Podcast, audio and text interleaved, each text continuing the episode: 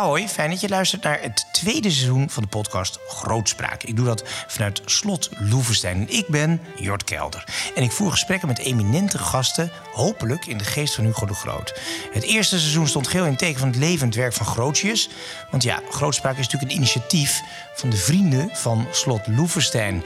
En geen betere plek om dat te doen, want hier op deze plek zat hij in de staatsgevangenis gevangen vanwege zijn denkbeelden. In het tweede seizoen van Grootspraak gaan we in de geest van de Groot verder. En eigenlijk kun je het al wel raden. We schrijven hem, nou ja, een eeuw of twee op. En eindigen dan bij Johan Rudolf Thorbecke. De man die onze grondwet maakte, maar nog veel meer deed. En van eminent belang is geweest voor dit land. En exact 150 jaar geleden overleed.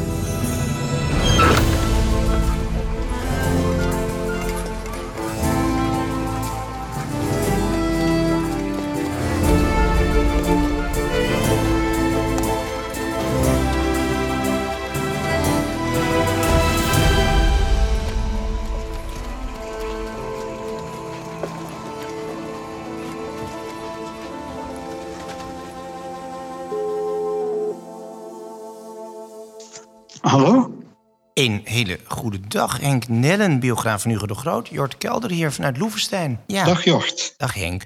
Eh, ik bel met jou omdat wij eh, vorig jaar zo'n goede sessie hadden over Hugo de Groot. Uiteraard de man, ja, weten we allemaal, van de boekenkist in Loevestein. Ehm, en nu gaan we een, eh, een verhaal opzetten over Thorbecke. ook van belang. Maar laat ik eerst eens even terugkijken met jou naar Hugo de Groot... en vooral het Hugo de Groot jaar. Hoe ben je er doorgekomen, Ja. Henk? Nou, ik heb wat eh, dingen gedaan en eh, hier en daar een lezing gegeven en een eh, boek gepubliceerd of gemaakt. Ja. En eh, er was een musical waar ik bij geweest ben, waar ik bij geweest ben over Hugo de Groot. Hugo het de was, Groot ja, het zat wel- dat meen je niet. Serieus? Ja, Ja, een prachtig eh, werkstuk. Ik heb er echt van genoten, hoewel ik geen liefhebber van het genre ben. Dat hoor je er dan altijd bij te zeggen, ja. Ehm, Ja. hey, maar even, en, d- denk je dat Hugo de Groot wat meer op de kaart gezet is? Ja, maar zoiets zakt natuurlijk eh, snel terug. Maar we hebben een nieuwe kans, want in 2025 is echt het hoofdwerk van Hugo de Groot 400 jaar geleden geschreven, De Jure Belli Ac Pacis. Ja. En dat zal ook weer met een reeks van festiviteiten gebaard gaan. En de wereld zal sidderen. Ehm, ik zit nu nou, eh, samen met... Dat valt wel mee. Dat zal wel meevallen. Ik zit samen met Remy Aarts eh, en de directeur van, eh, van, van het slot, Ed Dumrezen, aan tafel. Eh, om jou te bellen. Eh, je kon niet eh, naar het kasteel toe komen wegens dwingende verplichtingen. Misschien verband houden Ja. met Hugo de Groot. Maar we probe- proberen nu eigenlijk een, een, een bruggetje te maken van Hugo de Groot, de grote jurist, naar Thorbecke, ook een grote jurist en de maker van ons staatsbestel. Zie jij een verband? Ik zie wel een verband, want eh, op de eerste plaats is het zo dat Thorbecke Hugo de Groot goed kende. Hij heeft colleges over hem gegeven, in het Latijn zelfs. Ja. En naar de hand komt hij in zijn briefwisseling ook herhaalde malen op Hugo de Groot terug. Heb ik gisteren even nagezien. En dan Ja. gaat het over dingen als het belang van de moedertaal. Dat je bijvoorbeeld colleges toch maar beter in de moeder- moedertaal kon geven. Zelfs als het om eh, juristen ging. ja, omdat dat natuurlijk in Maar in Latijn het ging. algemeen is de. Ja, eh, hij noemt eh, Hugo de Groot ook vol lof in een eh, rijtje met Oranje, De Wit en Van Oldenbarneveld. Ja. En zelfs Spinoza. Ja. Maar dat is dan toch meer een blijk van algemene bewondering voor de grootheden die Ja. onze vroege cultuur heeft opgeleverd. Ja, er wordt, er wordt in, de, in de biografie die, die, die door Remy Aerts geschreven is, Thorbecke wil het eh, één keer gewacht gemaakt, inderdaad. Door Thorbecke van, ehm, of niet door Thorbecke geloof ik, maar in ieder geval één keer gewacht gemaakt van Hugo de Groot, maar in een rijtje andere grote vaderlanders. Maar Ja. toch even, de, dus er is, maar kun je een verband leggen tussen de twee juristen? Hugo de Groot was natuurlijk de man van het natuurrecht. Thorbecke natuurlijk echt staatsrechtelijk, eh, nou ja, de, de, de, de grondwet eh, geconcipeerd zou je kunnen zeggen. Waar zie je ze als juristen bij elkaar komen? Ehm, dat vind ik heel moeilijk eh, om te zeggen hoe ze als juristen op elkaar, aan elkaar gekoppeld kunnen worden. En ik vind zelfs eh, de band tussen eh, Hugo de Groot en Thorbecke vrij eh, dun. Hugo de Groot was een echte regent, zeker niet een liberaal in de zin van eh Thorbecke. Mhm. Dan, dan zitten we echt in een totaal andere tijd en dan zijn er twee eeuwen overheen gegaan en dan heb je een totale andere politieke constellatie. Wat wel uh, opmerkelijk is, is dat ze beide heel scherp reageerden op de bestaande situatie van dat moment. En dat geldt voor Grootjes en voor uh, Torbeck. Ja, Precies. Dat is heel wazig, ik geef het toe. Maar um, je kan uh, Hugo de Groot niet als een liberaal kenschetsen. Hij zat werkelijk in, als lid van die regentenkliek in een staatsbestel. Ja. En het belangrijkste voor hem was, was dat dat wat juridisch was afgesproken, dat het ook gehandhaafd werd. Ja. En ik heb veel meer het idee dat Torbeck uh, die bestaande situatie wilde doorbreken. Dat deed Hugo de Groot trouwens ook wel. Mm -hmm. Maar ik zou eerder Hugo de Groot als een conservatief willen uh, kenschetten als je met um, uh, Thorbecke vergelijkt. Nu, ja, of met de ogen van de 19e eeuw wellicht.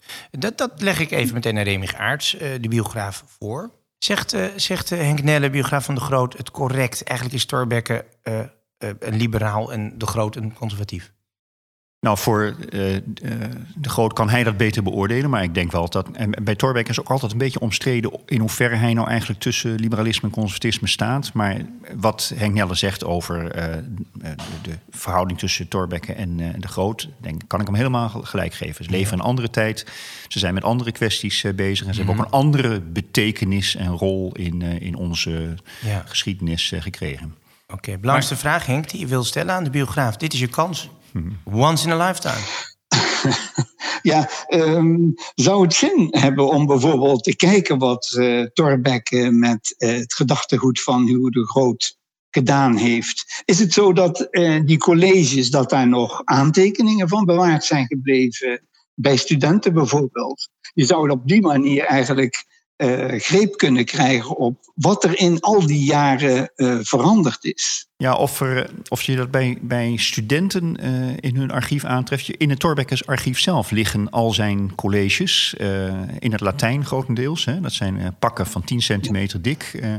en daar zit een, veel, heel veel van het collegemateriaal in. Dus het is in principe terug te vinden wat hij daarover gezegd heeft. Ja. En, en, kun je bijvoorbeeld Torbekke ook in de zin van Hugo de Groot als een, een patriot kenschetsen? Want ik heb gelezen dat Thorbecke bijvoorbeeld kennis had van een werk, een jeugdwerk van Hugo de Groot, Parallelon, waarin hij eh, met name het stuk citeert over het belang van de volkstaal. Dat je bijvoorbeeld wetenschap veel beter kunt be bestuderen of eh, bevorderen door je volkstaal te volgen. En um, is het dus zo dat Hugo de Groot was, een, was trots op het Nederlands? Is dat voor Thorbecke ook? Was hij in die zin uh, patriotistisch? Ja, nee, absoluut uh, zo. En dit, deze kwestie speelt eigenlijk op het moment dat uh, in de wetenschap aan de orde is of um, universitaire onderwijs nog steeds in het Latijn gegeven zal moeten worden, of dat het eigenlijk veel effectiever is om dat in de landstaal uh, te doen. Een beetje de omgekeerde discussie die we op dit moment uh, ja. voeren over Nederlands en Engels. Torbeck is wat dat betreft groot voorstander geweest van dat een, een dat je dat in, in de eigen taal doet, omdat die eigen taal zich ook ontwikkeld heeft en veel plooibaarder is. Hoewel hij zelf uh, natuurlijk het Latijn uitstekend beheerste. Ja. Hij kon uh, al, al als, als kind kon hij voortreffelijk brieven schrijven in het Latijn. Dus er was helemaal geen. Uh, ja. dat, dat, was een tweede taal in zekere zin voor hem. Dus, was, was... Ja, hij sprak het waarschijnlijk zelfs. Ja. Ja, hij kon het spreken. Ja, maar dat, natuurlijk, omdat hij in colleges moest hij dat ook uh, doen. Maar hij is vanaf het begin eigenlijk voorstander geweest van dat je juridische colleges vanwege de nauwkeurigheid van juridische taal ja. en de plooibaarheid ervan, dat je die in het Nederlands moet geven. Een van de meest fascinerende dingen, zeg zowel tegen Henk als Remigner, tegen Henk hoef ik het zeker niet te zeggen, maar is natuurlijk de, dat Hugo de Groot in de 17e eeuw, voor zover dat mogelijk is, werd gezien als een van de meest intelligente mensen van die eeuw. Uh, polyglot, sprak nou, talloos veel talen, zeker voor die tijd, inclusief Grieks. Um, en dichtte daar ook in. Uh, ik weet niet, Torbeck is volgens mij geen polyglot. Spreekt natuurlijk heel goed Duits, Nederlands, Frans.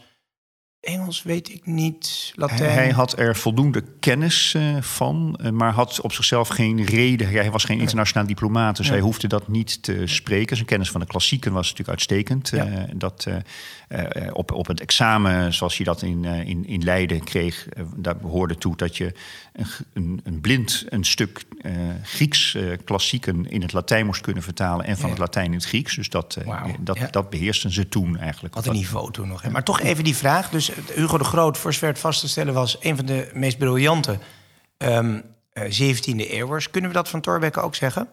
Nou, hij had zeker in zijn tijd uh, wel die reputatie. En wat Thorbecke aan wetenschap gedaan heeft... Hè, we, we, kennen Thorbecke natuurlijk vooral als politicus... maar hij heeft 50 jaar heeft hij, is hij man van de wetenschap geweest. Ja. En wat hij daarin gepresteerd heeft... Um, ja, dat staat voor een deel nog. Bijvoorbeeld zijn, uh, zijn proefschrift uit 1820 over Asinius Pollio... een, een Romeinse ja. um, uh, mecenas en politicus nog in de Duitse vakliteratuur um, in de jaren 1960, 70 wordt dat boek altijd nog benoemd als, genoemd als een van de interessantere studies over dit onderwerp. Echt een bronnenstudie. Dus zo lang gaat zijn wetenschap mee. En uh, we kunnen er nog over komen te spreken. Als jurist uh, Thorbecke is natuurlijk de grondlegger geworden, niet alleen van het constitutioneel recht, maar mm-hmm. van de scheiding tussen privaat en publiek recht en van het administratief of bestuursrecht. En dat zijn dus echte mm-hmm. hele juridische vakgebieden die door hem uh, in Leiden uh, eigenlijk ontwikkeld ja. zijn. En langzaam, Henk Nelle, langzaam verdwijnt Hugo de Groot in de mist van de geschiedenis. Je hoort het. Ja, maar als het zo, dat zou kunnen. Maar ik denk bijvoorbeeld dat een groot verschil tussen Grootjes en Thorbecke is dat Hugo de Groot toch veel uh, meer ook in het literaire aspect van de wetenschap ja, ja. Uh, Absoluut, geïnteresseerd ja. was. Als dichter, maar ook als historicus, als beoefenaar van het Neo-Latijn, de Nederlandse dichtkunst. In dat opzicht was hij misschien wel veelzijdiger dan uh, Thorbecke, als je ze kunt vergelijken. Henk, ik, ik dank je zeer voor je telefonische bijdrage aan deze podcast, um, aan grootspraak. Um, tot er, uh, nou ik zat niet tot betere tijden. Het, het zijn al fantastische tot tijden. 2025. Tot 2025, laten we dat afspreken. En ja. uh, blijven ja. schrijven. En dankjewel, dag. Nou, terug aan tafel met Remy Aarts. Um, toch even beginnen met jouw boek Thorbecke Willet. We gaan de figuur Thorbecke nu neerzetten. Even zijn biografie. Waar kwam, wie was hij? Waar kwam hij vandaan? Wat heeft hij bereikt? Wat heeft hij niet bereikt misschien ook? Uh, je bent ongeveer tien jaar tussen de bedrijven door, uh, naar aanleiding van de opdracht van de Koninklijke Nederlandse Academie van Wetenschappen, aan deze biografie begonnen. Um, ben je in die tien jaar van Thorbecke gaan houden? Mm, dat is moeilijk te zeggen. Thorbecke is niet een figuur waarvan je heel erg gaat houden. Uh, maar ik ben hem wel heel erg gaan bewonderen en waarderen. Uh, en ik vind ook dat je als biograaf niet per se van je hoofdfiguur moet houden. Uh, want je, je moet ook gedistanceerd blijven staan tegenover zo'n persoon. Ja. En de positie van de biograaf is dat je enerzijds die professionele distantie moet hebben en tegelijkertijd geleidelijk aan in een figuur moet terechtkomen om hem van binnenuit te kunnen begrijpen. En dat is ook wel een van de redenen waarom biografieën uh, over het algemeen een lange looptijd hebben, in de voorbereidingstijd, omdat je als biograaf, het duurt een poosje voordat je in iemands persoonlijkheid uh, terechtkomt. Ja. Uh, en dat, nou, dat is geloof ik wel, wel gelukt in, dit, in, in, deze biografie. Maar dat van Thorbecke houden is, uh, is moeilijk, omdat het een, uh, niet een makkelijke en niet een toegankelijke figuur mm -hmm. was. Maar ik heb een ongelooflijke bewondering gekregen voor de, man, voor de manier waarop hij vanuit zijn achtergrond eigenlijk alles bereikt ja. heeft ja. wat hij heeft kunnen doen in 19 Kijk, de, de, de, Het grote publiek, de mensen in het land, de luisteraars, zullen hem sowieso ook natuurlijk kennen van ja, Thorbecke, dat is die man die die grondwet heeft gemaakt. Hè, waardoor de koning een beetje buitenspel gezet werd en de politiek, zegt de democratie, aan zet was. Um, we kennen natuurlijk ook van de standbeelden. Hij heeft drie standbeelden in Nederland. Waaronder bijvoorbeeld dat standbeeld op het Het Torbekkenplein. Volgens mij niet de meest prestigieuze plek. Inmiddels een beetje afgegleden. Natuurlijk de, in zeg maar de B... Uh, het, het, het, ja, een beetje de B-categorie uh, nachtleven. Um, strenge man. Het, en, en ook de, de, de, het omslag van jouw boek. Daar kijkt een strenge, bijna onhebbelijke man op je neer. Nou, wat vooral in dat omslag op die foto, of miste die, dat schilderij uit 1852 waar het van gemaakt zijn, vind ik altijd vooral de ogen opvallend. Mm. Die soort blauwe, uh, scherpe ogen. En tinteling. Ja. Tinteling. En die ogen hebben ook altijd uh, een hele dwingende werking gehad. Dat, dat hoor je uit, uit de getuigenis van mensen die met hem, met hem werken. Die manier van kijken daar zat iets in waardoor men direct begreep, uh, dit, hier gaan we tegen afleggen. Hier valt niet mee te spotten. Hier valt niet mee te spotten. Nee, dat is. Oké. Okay. Nou goed, dat komt allemaal voorbij sowieso in de hele serie, want jij bent er altijd bij. Je bent eigenlijk de tafelheer van dienst hier voor de vijf uh, lange gesprekken die we over Thorbecke, maar ook Thorbecke. nou ja, thema's die op Thorbecke gebaseerd zijn. democratie, uiteraard defensie, nou, noem maar op. We gaan van alles nog wat hebben. Ehm, laten we eens beginnen bij waar hij vandaan komt. Hij is natuurlijk geboren eh, nog net in het staartje van die 18e eeuw.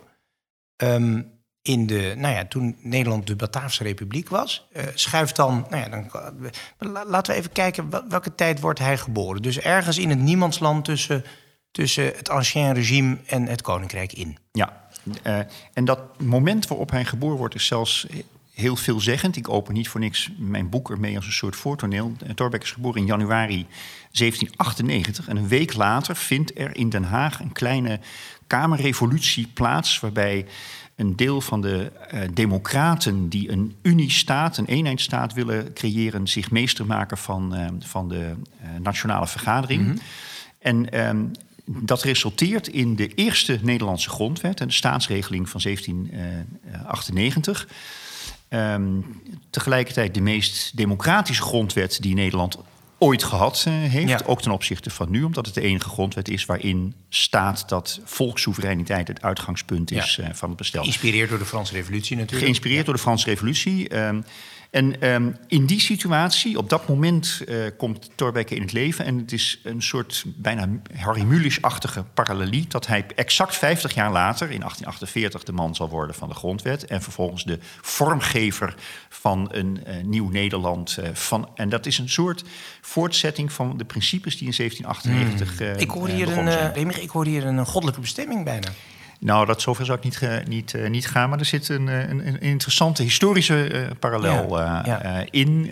die voor een biograaf natuurlijk altijd erg aantrekkelijk ja. is om mee te werken. Als kind van middenstanders, handelsmensen met een Duitse affiliatie, leg uit. Nou, de familie Thorbecke zat eigenlijk al heel lang in Zwolle. Het was een tak van de familie vanuit Duitsland, vanuit Osnabrück. Uh, Zwolle was een soort overslagcentrum uh, tussen Amsterdam, de grote toegang tot de, de wereld. Hansestad. De Hansestad en, en het Duitse achterland. En um, die familie vond het nuttig ooit in de 17e eeuw om een deel van, van de familie in Zwolle neer te zetten. En dat waren factoors. Dat waren mensen die handel deden, transport en op den duur ook een bewerkingsbedrijf van een tabaksbewerkingsbedrijf in de tijd dat Thorbecke geboren wordt. Maar zijn vader stapt na een paar jaar uit dat bedrijf omdat uh, door de Franse maatregelen in het kader van het continentaal stelsel en andere uh, maatregelen. Om ons uit te wringen om ons, uh, ja, de, de, de handel in menig opzicht stilviel. Dus het bedrijf ja. kon niet genoeg renderen en de vader liet zich uitkopen. Maar de vader was verder niet heel erg handig in het omgaan met geld. En vanaf dat moment begint een soort tragiek in het gezin. Ja. Dat uh, vanaf 1804 en de volgende jaren is uh, het gezin altijd afhankelijk van geleend geld of van het opmaken van erfenissen. Ja. Ja. Dus Torbeck heeft eigenlijk een arm, betrekkelijk armoedige jeugd, maar de familie zelf is wel van een, van een niveau burgerstand. Uh, ja. Dat, uh, daar zitten bepaalde verplichtingen Ze aan. wonen nog dus wel in een statig huis. Ze wonen in een keurig Ze huis. in een zekere staat, maar... Ja. Ja, het is overigens het is, het is niet een deftig stuk van Zwolle, maar het is een typische handelsgracht. Hè. Ja, ja. Dit is echt een, een, een commerciële familie. Uh, en zijn vader is de eerste geweest in die eeuwenlang van die, die familie van handelsmensen die is gaan studeren, maar dat is een mislukking uh, geworden. Hij wilde theoloog worden en dat heeft hij, heeft hij niet, is niet mm. gelukt. En daarna is hij dus in de handel mislukt. Uh, en hij zet al zijn kaarten op zijn briljante zoon. Uh, Want dat Johan wist men Rudolf. al wel. Men zag dat Johan Nou Rudolf. ja, zijn vader heeft vanaf het begin een soort vertrouwen in. Um, bijna, want vader is zeer religieus. Een soort bijna ja. religieus vertrouwen dat God hem een zoon geschonken heeft. die alles gaat waarmaken ja, wat hij zelf niet geworden is. Dus vader maakt, omdat hij ook verder niks om handen heeft. Hmm. zijn zoon tot een project, tot een opvoedingsproject. Gaat hem thuis onderwijs geven, huurt ook wat leraren in. En uh, Heeft vanaf zijn vroegste jeugd 14 uur lang per dag uh, gestudeerd. Uh, um, ja. Dus gewoon thuisonderwijs met huiswerk ja. uh, inclusief. En um, in zekere zin kun je zeggen, inclusief zijn studietijd... die daarna in, nog een paar jaar in Amsterdam en in Leiden ja. kan doen... heeft hij bijna 20 jaar... 14 uur per dag kennis opgedaan op een heel groot aantal gebieden. En dat maakt dat Thorbecke over een formidabele, brede uh, en intensieve kennis beschikt. En hoe bedoel je die breedte? Dus niet alleen juridisch, staatsrechtelijk, nee, politiek, nee, nee. maar veel breder. Hij was eigenlijk, hij werd juist opgeleid, in zekere zin helemaal niet juridisch, uh, als uh, tot, tot klassicus. want ehm, je kunt je afvragen later waarom is Thorbecke eigenlijk geen rechten gaan studeren. Maar in de situatie van een arm gezin uit Zwolle lag dat niet voor de hand. Rechtsstudies waren voor de elite van Ja. Nederland en voor mensen die ooit een bestuurs, bestuurlijke functie gingen vervullen. Vanuit zijn milieu lag dat volstrekt niet voor de hand om dat te doen. Dus wat zijn vader wil, is dat hij een geleerde wordt. Een, een, eh, een, een, en dat deed je toen door klassieken eh, te studeren en eh, in de letteren Ja. te studeren. Maar een geleerde, dus niet iemand die het bedrijf van de familie zou Nee. moeten voortzetten en uitbouwen. Nee, dat, dat, die vader heeft ook helemaal afstand genomen van dat eh, bedrijf. Ehm, theologie is ook niet direct een optie, hoewel de familie gelovig is. Maar ze zijn Luthers, dat is ook alweer een Ja. aparte variant in Nederland. Dus eh, een, een carrière in de hervormde kerk ligt ook niet voor de hand. Ehm, en dat maakt dat je in allerlei opzichten ziet dat Thorbecke in eh, een soort excentrische positie vanaf het begin heeft. Eh, hij groeit niet op in, eh, in het bestuurscentrum eh, Den Haag. Ehm, hij ehm, eh, komt niet uit een familie van aanzien. Ehm, hij behoort tot een half Duitse familie in Nederland. De Lutherse religie die die familie heeft, maakt ze, Ja. maakt ze tot leden van een hele kleine minderheidsgroep. Die, toen Thorbecke geboren werd, ook nog niet eens gerechtigd was om later bestuursfuncties te vervullen. Hè? Ja. Dat is pas, eh, was daarna mogelijk geworden. Ehm, en die, die excentrische positie waarin Thorbecke opgroeit, die is heel bepalend voor zijn hele latere carrière. Ja. En daar, daar, daar, daar kan ik drie punten in zekere zin het is, van eigenlijk, het is eigenlijk, als je het zo zegt, een wonder dat die man is gekomen waar die kwam. Ja, nou, Hij heeft alles tegen bijna. Ja, heeft zijn alles tegen. Heeft het niet echt mee. Eh, het ja, is moeilijk in zijn tijd om een carrière te maken. Al is het alleen al omdat hij opgroeit in een tijd waarin alle carrières afhankelijk zijn van protectie, Ja. eh, cliëntelisme. Dat Ja. is, dat is, en dat maakt dat Alles behalve meritocratie. alles behalve meritocratie. En dat is één, één aspect van het project dat hem in zekere zin voor ogen staat. Eh, Kijk, die vader die lukt het in 20, 25 jaar maar nooit om een postje te vinden eh, dat Ja. hem iets, iets oplevert. Ja, want die probeert wel via, via Die bevriende contacten... Van alles. Ja, die blijft Ja. ook lid van de sociëteit, hoewel hij dat nauwelijks kan permitteren. Alleen maar om in beeld te blijven bij de gouverneur van de provincie, om eh, en, eh, protectie te Maar krijgen. Remig, dat is best wel eh, ironisch. Want dat is eigenlijk alles wat die vader nog probeerde te ritselen, zeg ik maar even respectloos. Ehm, daar vocht Thorbecke de rest van zijn leven tegen. Omdat hij ook de vernedering zag die daarmee gepaard gaat. Hè? Ja. Dat, dat vernederende zoeken naar een postje en afhankelijk zijn van anderen. Dat moest niet bestaan voor mensen die karakter en talent eh, hebben. Want Ja. hij bewonderde zijn vader in menig opzicht. Het is heel wonderlijk te zien. Die vader is ongelooflijk.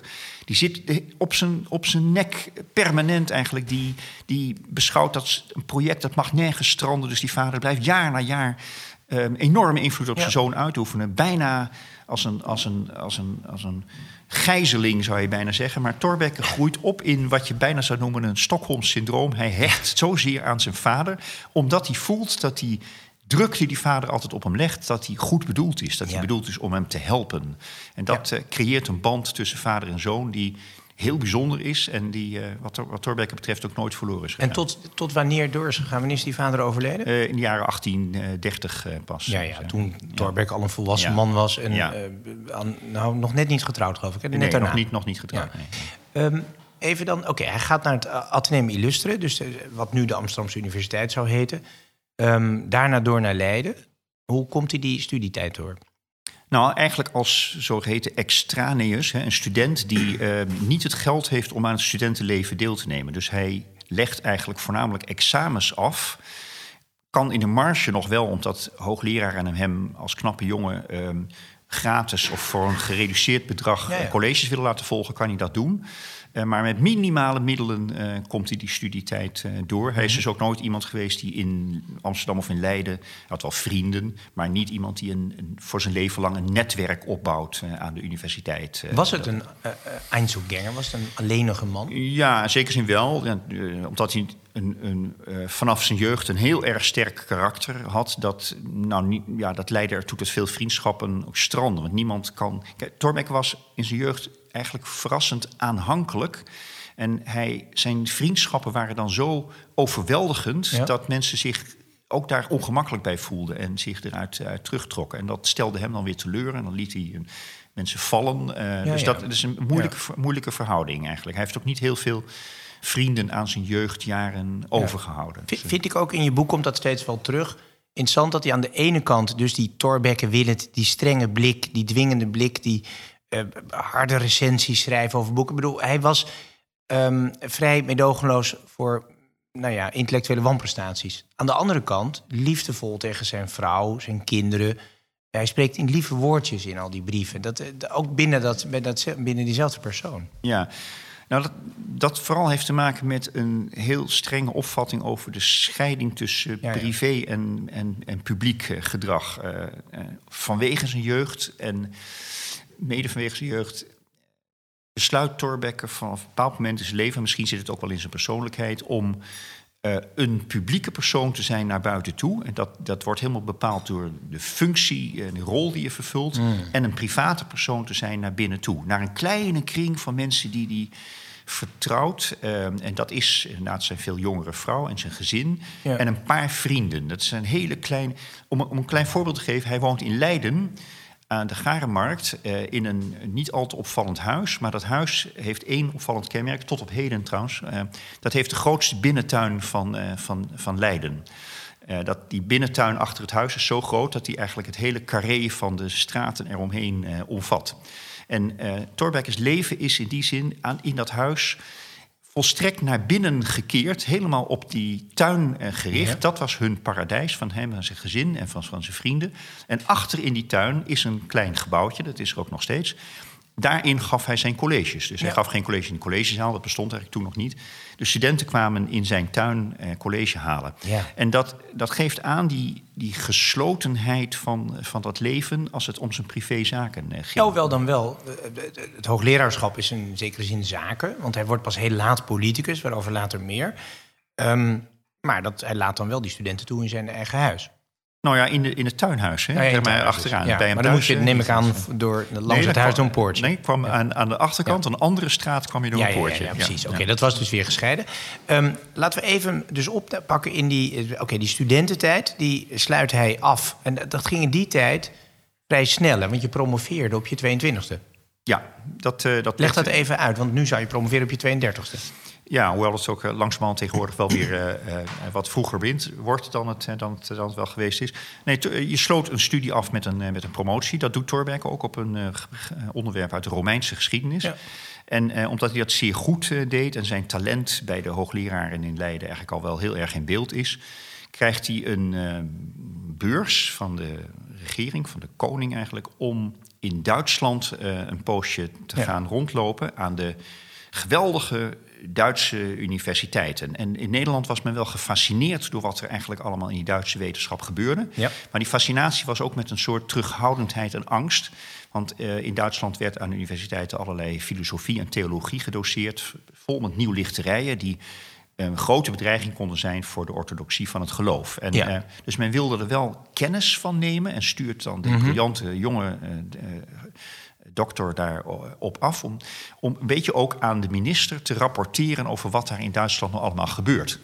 En, um, uh, maar Thorbecke maakt zich als gretige jonge intellectueel die Duitse filosofie uh, heel erg eigen. Hij ja. duikt daar direct in, hoewel hij dus geen filosoof van scholing is, mm -hmm. uh, doet hij dat geweldig. je ziet, het is echt bewonderenswaardig om te zien hoe snel hij zich kan meten, in het Duits ook, met, uh, met de ja. Duitse filosofen van dat uh, moment. Op nou, heel... werd er natuurlijk thuis ook wel Duits gesproken deels? Er werd thuis wel, ja. wel uh, Duits ja. gesproken, ja. Maar goed, niet op een niveau waarop je kunt filosoferen. Hè. Dat is nee, nog even nee, wat anders. Dus, Oké, okay, dus ook Duitsland werd gezien als een, als een revolutionair land. Duitsland op dat moment natuurlijk opge opgedeeld in een stuk of dertig koninkrijkjes.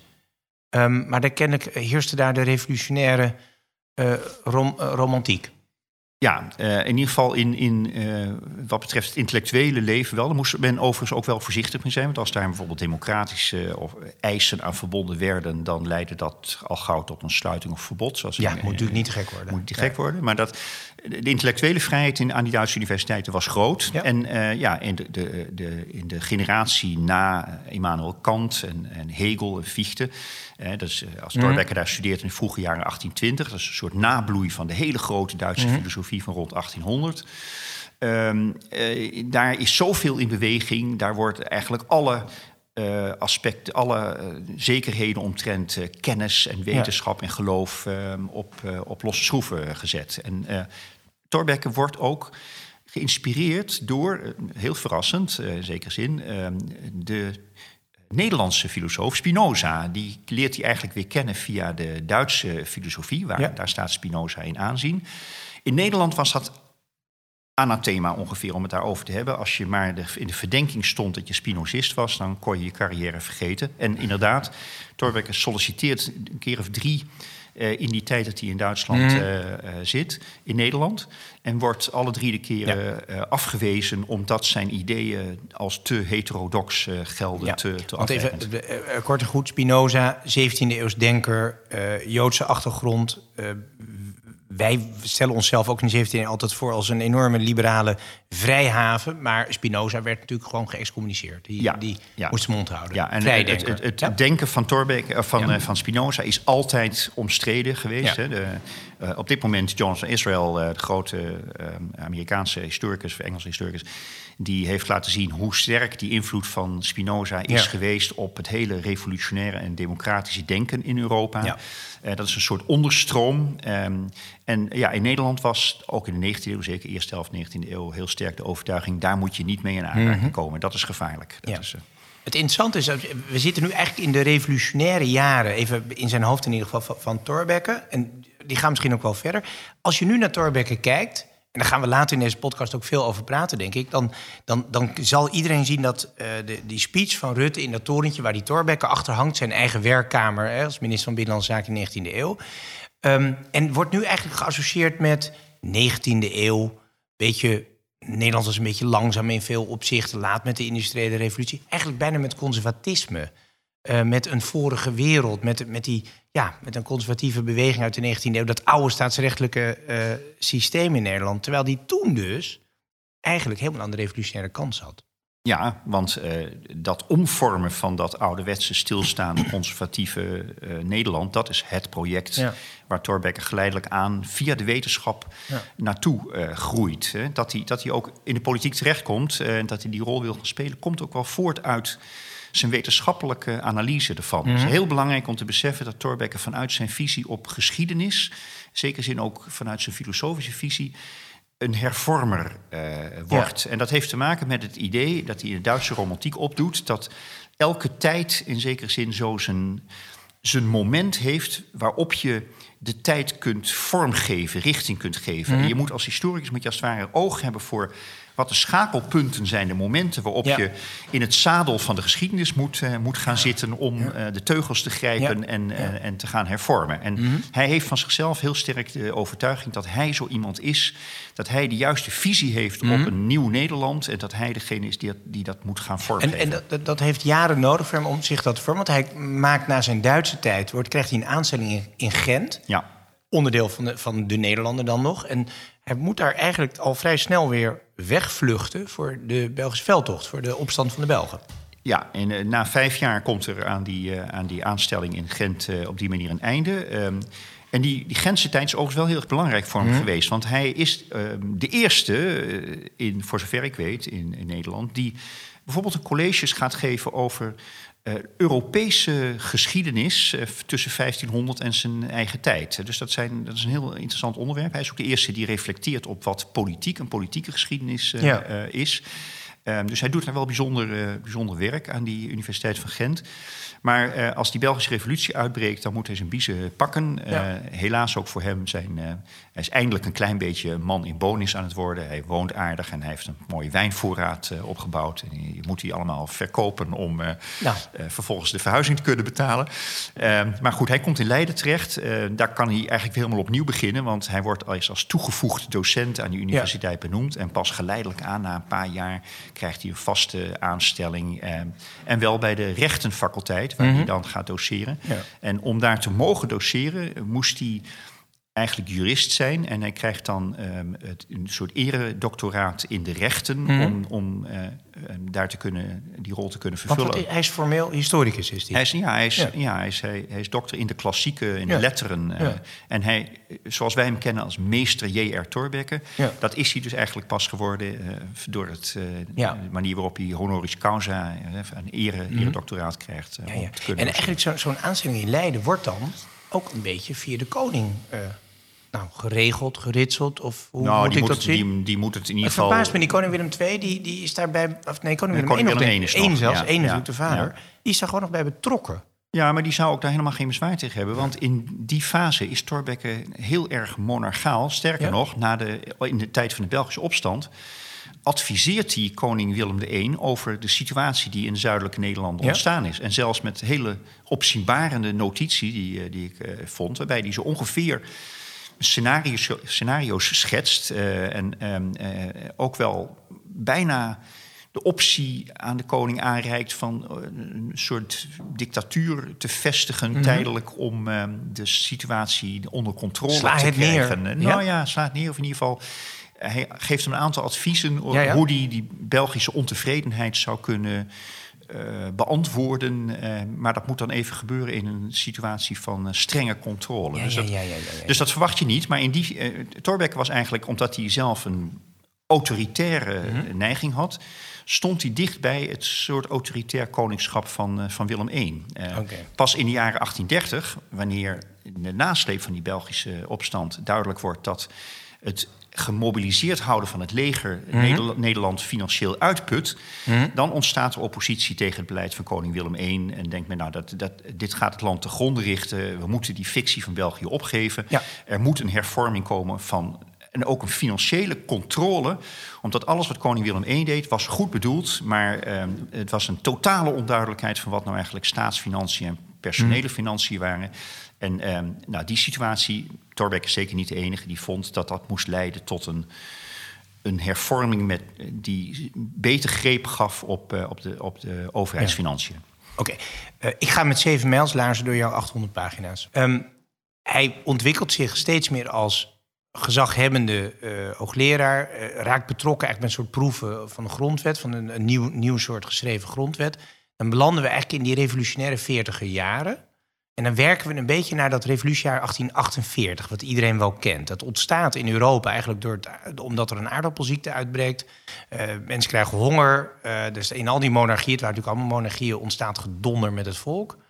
Ehm, wat is de positie in die 40 jaren van Thorbecke en hoe komt hij, hoe wordt hij de man van het moment dan eigenlijk?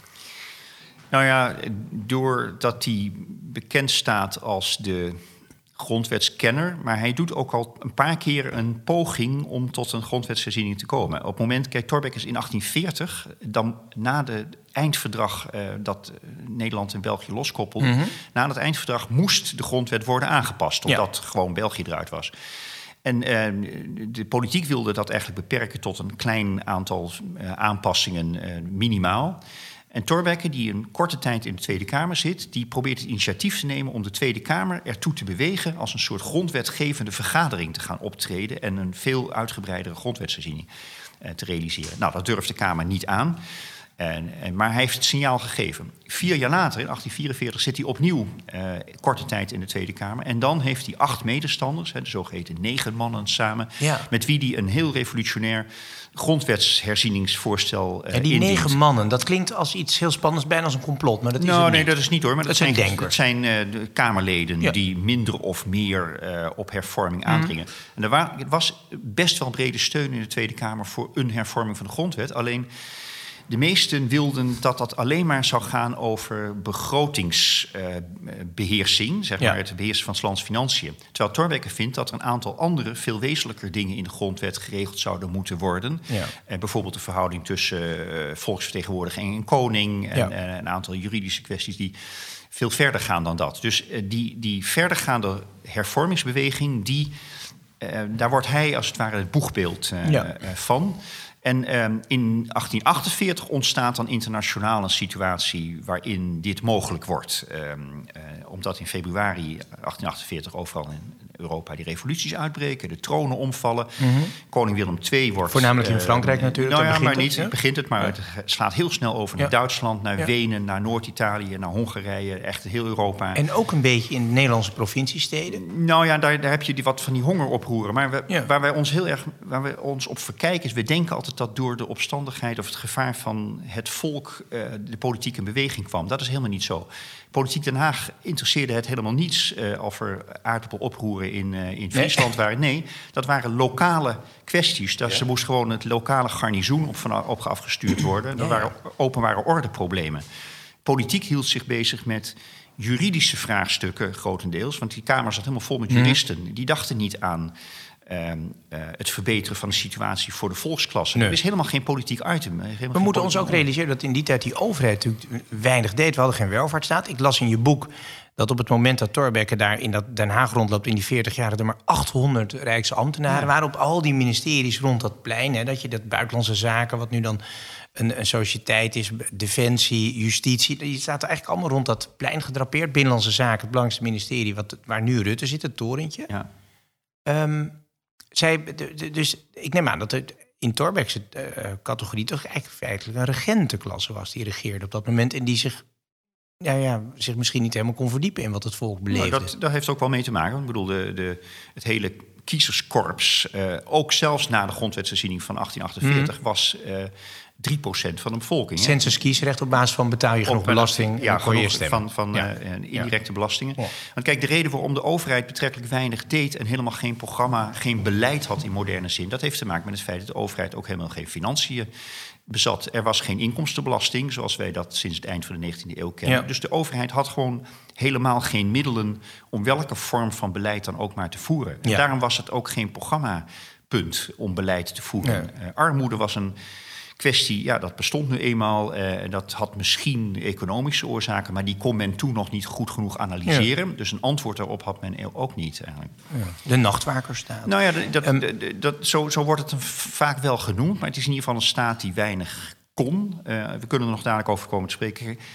Thorbecke zelf uh, associëren met de nachtwakerstaat is mijns inziens heel onjuist. Want ja. uh, het, het, het, verrassende van, we kennen Thorbecke als een liberaal, maar wat hij nou juist geprobeerd heeft, is fundamentele voorzieningen die voor de hele bevolking van belang zijn, collectief te creëren. Wat als het aan hem gelegen had, was ook het sociale beleid in de zin van armoedebeleid mm -hmm. uh, een, een, een um, overheidsverantwoordelijkheid ja, geworden. Dat lag ja. nu bij de kerk ja. en het is ook bij de kerk gebleven. Dat heeft, he, heeft hij niet kunnen realiseren. Maar wat hem betreft had, had daar overheidsregie op gezeten. Idem voor het onderwijs. Onderwijs is een basisvoorziening, daar moet iedereen mee vooruit kunnen komen. Ja. Dus onderwijs moet van overheidswegen geregeld eh, worden. Snap je ook vanuit zijn eigen achtergrond? Dat snap je zeker vanuit zijn eigen hey, achtergrond. Even dat, ja. dat, dat revolutionair 1848 wordt vaak gezegd. Uh, je hebt natuurlijk eerst die splitsing gehad dat die, die koning Willem I vertrekt in 1840. Is dat dan omdat, die, omdat België eraf valt, dat is natuurlijk een vernedering. Maar ook omdat hij uh, Henriette d'Outremont volgens mij wilde trouwen, zijn, zijn hofdame. Um, dan gaat zijn zoon, de held van Waterloo, die wordt koning is wel altijd gezegd, die Torbeck heeft eigenlijk die koning in één nacht omgekregen van uh, monarchist naar republikein. In jouw boek blijkt dat helemaal niet eigenlijk, hè? Nee, daar gaat heel erg veel meer aan vooraf. Kijk, de, de kwestie van grondwetsherziening is al een poos aan de orde in de tweede helft van de jaren 1840. Ja. Er zijn zelfs um, op, in, in, in, het begin van 1848 liggen er al voorstellen van de Tweede Kamer om de grondwet te herzien. Alleen ja. die gaan lang niet zo ver als wat Torbeck gewild uh, zou hebben. Dus dat is allemaal wel in gang gezet. Willem II was een wispelturige figuur die zich heel lang verzette.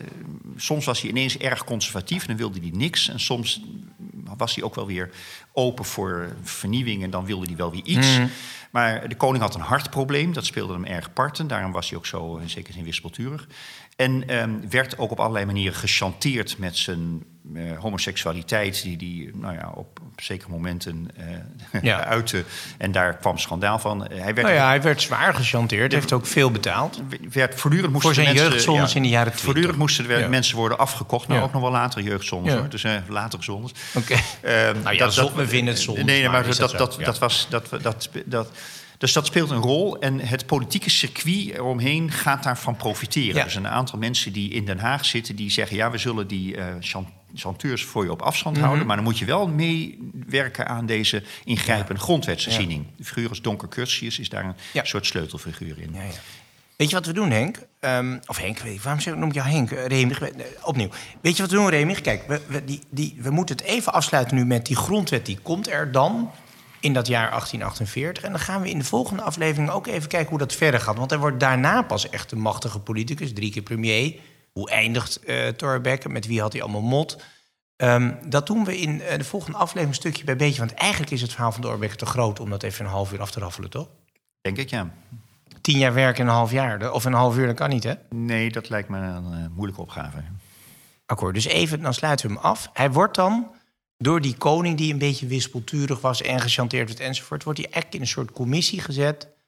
In dat, eh, ik denk in eind uh, 1847 van. Eh, nee, help je. dat is in, in, oh, dat is, in maart 1848. Oh, dat is in maart, ja, excuus. Ja. Dat is na dus die, die, die, die, die opstanden in Europa. Dan versnelt het heel erg. En dan schrijven ze eigenlijk in zeer korte tijd... met een paar mannen bij elkaar... onder leiding van Thorbecke, die grondwet. Ja, in vijf, vijf, uh, een commissie van vijf mannen... die wel bekend stonden min of meer als hervormers...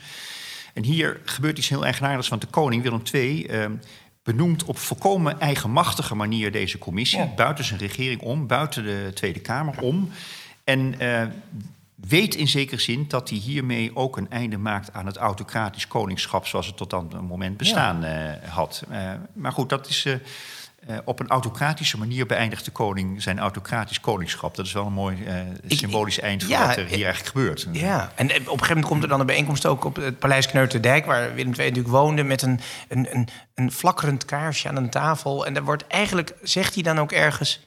Het moet maar gebeuren. Het moet maar gebeuren, ja. Dat is de, op dat moment is hij tot de overtuiging gekomen speelt ook nog in dat hij bericht krijgt dat zijn zoon uh, overleden is. Dus het is een situatie waarin hij... De kroonprins Alexander, die niet Alexander, goed ging, Dat is dus dat...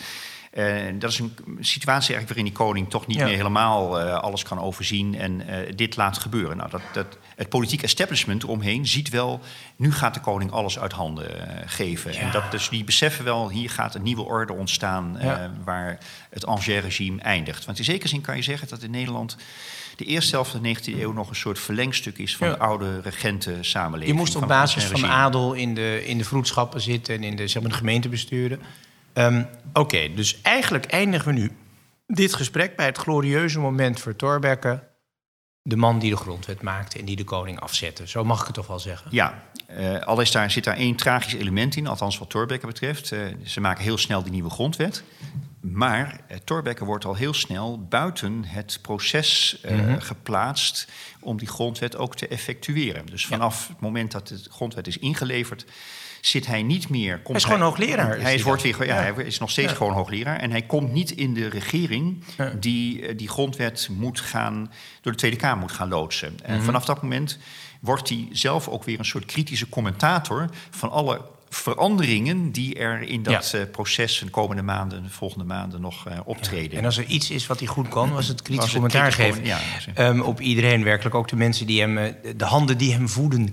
daar hebben we het later over. We zijn in het midden van de 19e eeuw. Die grondwet is er. de koning heeft minder macht. het is wel de basis van een glorieuze carrière die zal volgen. Waarover later meer.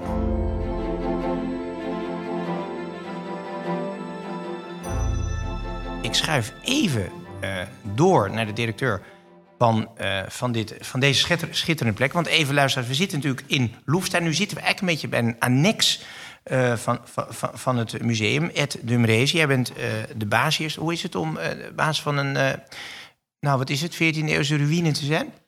Nou, ruïne zou ik het niet noemen, maar het is een... Een uh, beetje.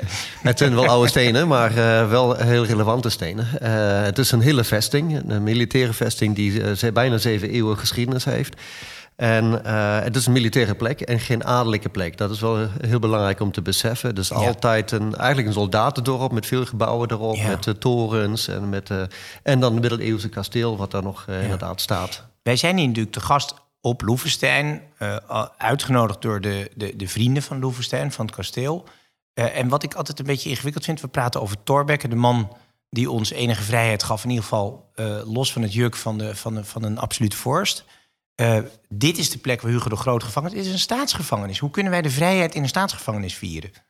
Nou ja, dat is net zo alsof je uh, stilstaat bij vrede bij een oorlogsmuseum eigenlijk. Dus uh, je gaat juist die plekken opzoeken waar dat debat uh, gevoerd wordt. En we zijn in Nederland eigenlijk veel te weinig bewust daarvan dat wij op een Robben Island zitten. Dat is een eiland in de rivieren waar we hier zitten. We zitten dat is de Bastille of de Tower van Nederland.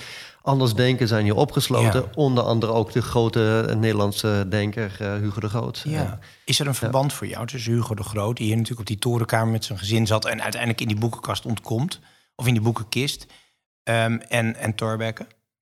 Ja, zeker. Um, uh, Hugo de Groot was een belangrijke grondlegger van het recht. En, uh, zeker van het internationale recht, het oorlogsrecht, waar uh, Henk Nelle aan refereerde, waar we in 2025 ook uitgebreid bij stilstaan. Zijn boek over het Nederlandse recht is zo'n basisboek geweest dat me niet zou verbazen dat ook uh, Thorbecke dat zou gelezen en bestudeerd hebben. In, dat weten wij. Ja. In, in, in Leiden, want daar heeft Hugo de Groot natuurlijk ook gedoseerd. Mm -hmm. En um, ja, dat, dat boek van Hugo de Groot is tot de jaren 60, 70 het basisboek in, aan de Nederlandse universiteiten geweest. Ja. Dus dat hele rechtsdenken, dat heeft zo'n opmars gekregen. En ik zie dat in een grotere lijn waar de, uh, toch de, de, de kerken iets minder invloed krijgen. waar het recht dat eigenlijk steeds meer open, overneemt. maar, dus dat recht is van dusdanig belang dat wij het ook een belangrijk onderwerp uh, adresseren hier op Loevestein. Dus ja. vrede, vrijheid, recht zijn belangrijke onderwerpen die we vanuit deze militaire vesting willen benaderen. Maar dan wel op een kritische manier. Ja. Want geschiedenis is, wat mij betreft, gewoon politiek. Dus uh, hoe wij naar de geschiedenis kijken, mm -hmm. uh, ja, daar kun je allerlei narratiefs aan afhangen. Dat is ook heel gevaarlijk, dus daar moet je uitermate bewust over zijn. Mm -hmm. je kunt heel veel vergrootglazen op de geschiedenis richten. Maar daardoor verandert het heel sterk. Dus de, hoe je dat plaatst, dat, daar is echt een, een heel andere kijk uh, voor nodig. Dat ja. doen we nu in de samenleving doordat we anders naar slavernij kijken en allerlei andere dingen. Mm -hmm. Maar die kritische kijk, dat leren kritisch omgaan, dat willen we eigenlijk op Loevestein doen. Dus uh, hier zit je in het staatsgevangenen. Anders denken zijn hier opgesloten. Ja. Dus dat had ook kunnen zijn dat die misschien wat meer invloed hebben gehad uh, als ze niet waren opgesloten. Uh, de loop van de geschiedenis had anders kunnen zijn. Maar ook de narratief die, uh, die je uh, hebt kan veranderen. Dus um, je kunt Hugo de Groot als een ja, heel groot neerzetten. maar je, er zijn ook mensen die nog steeds zeggen... nou, dat is wel heel goed dat hij opgesloten is... want dat bestand, dat was, het was dat misschien dramatisch met Nederland ja, afgelopen richting de Spanjaarden. Dus, als, je, als je nu hier naar, naar Loevestein rijdt, schitterend, kan ik iedereen aanraken, aanraden in die uiterwaarden. Het ligt er prachtig bij, mooie koeien in, de, in, de, in, de, in het gras. Um, je komt ook allemaal bordjes tegen van dat je niet mag vloeken. En zo. We zitten hier in oud SGP-gebied. We zitten eigenlijk in het gebied van de preciezen, terwijl we toch de rekkelijke de groot vieren. Ja, wat dat betreft is uh, uh, Loevestein wel een bolwerk in dat hele gebied. We liggen centraal in het land op het eiland. Maar uh, ja, dat is heel mooi om Uit dan ook juist... de bestandslijn van de 80-jarige oorlog natuurlijk. Ja, dus, ja. dus, hier zijn ze net even wat meer van de zwarte kousen dan, dan noordelijk en zuidelijk. Ja. Dat is zo. maar goed, we zijn een Rijksmuseum, we hebben een groot bereik, we hebben nationale zeker. geschiedenis en, ja. en, zelfs internationale geschiedenis. En wat dat betreft willen we dat ja. zeker ook uitdragen. Ja. We hebben uh, gekozen voor een vijfdelige uh, podcastserie uh, over Thorbecke. En dan hebben we de thema's gekozen. Natuurlijk gaan we na de inleiding van Remig Aarts over het liberalisme spreken. Um, en wat daar nu van over is. Dan gaan we praten over defensie. Je zou zeggen, ja, wat heeft uh, die 19e eeuw met defensie van doen. We zitten nu natuurlijk in een tijd waar het heel veel over defensie gaat. Een oorlog die woedt aan de ronde van het Europese Rijk. Dan gaan we het hebben over de meritocratie, al eerder aan, aan bod geweest. Dat de beste uh, uh, zouden moeten regeren. En ja, komt dat er eigenlijk wel van? En dan de rol van politiek en pers. Um, die, dat is de keuze die we gemaakt hebben. Is het directie akkoord? Helemaal ja. akkoord, ja. Heel relevante onderwerpen. Ja. Nou, dankjewel. We gaan ons best doen. Bedankt. En dan zeg ik, een tikje plechtig, dank voor het luisteren. Want dit was Grootspraak, de Torbekke-editie. Een podcast van de stichting Vrienden van Slot Loevestein. Een podcast productie en naar een idee van Frank van Horen. Redactie, Pieter Willemsen. Techniek en montage, Frederik Middelhoff. En de muziek is, wederom, van Toon Vieira. Met dank aan voorzitter Stefan Bergman van de stichting Vrienden van Slot Loevestein. En abonneer je nou even op die podcast, zodat je in de toekomst niks hoeft te missen. Zeggen wij dank en leven de vrijheid. Bye.